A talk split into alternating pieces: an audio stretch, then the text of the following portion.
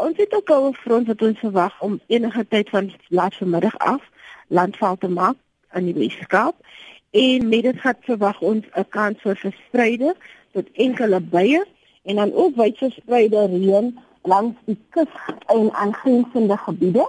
Op die oomblik het ons nie veel weer wakker wat daarmee gepaard gaan behalwe vir die stormsterkwind wat ons verwag langs die suidweskus.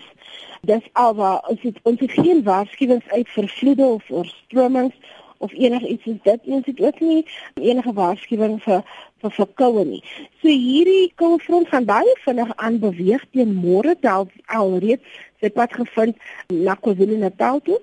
So teen môre het die Weskaap nog net so 'n 30% kans vir vir ligte bye vroeg in die oggend en dit sal opklaar na môre middag se kant toe.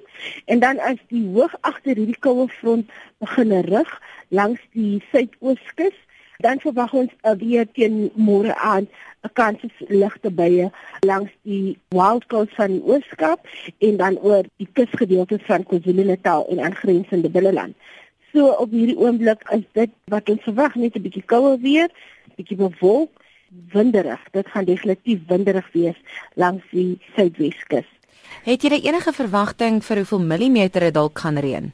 Nie op die oomblik as uh, het ons nie eintlik 'n verwagting vir millimeters nie, want die millimeters wat verwag word is nie significant op hierdie oomblik nie. So dit is ligte reën.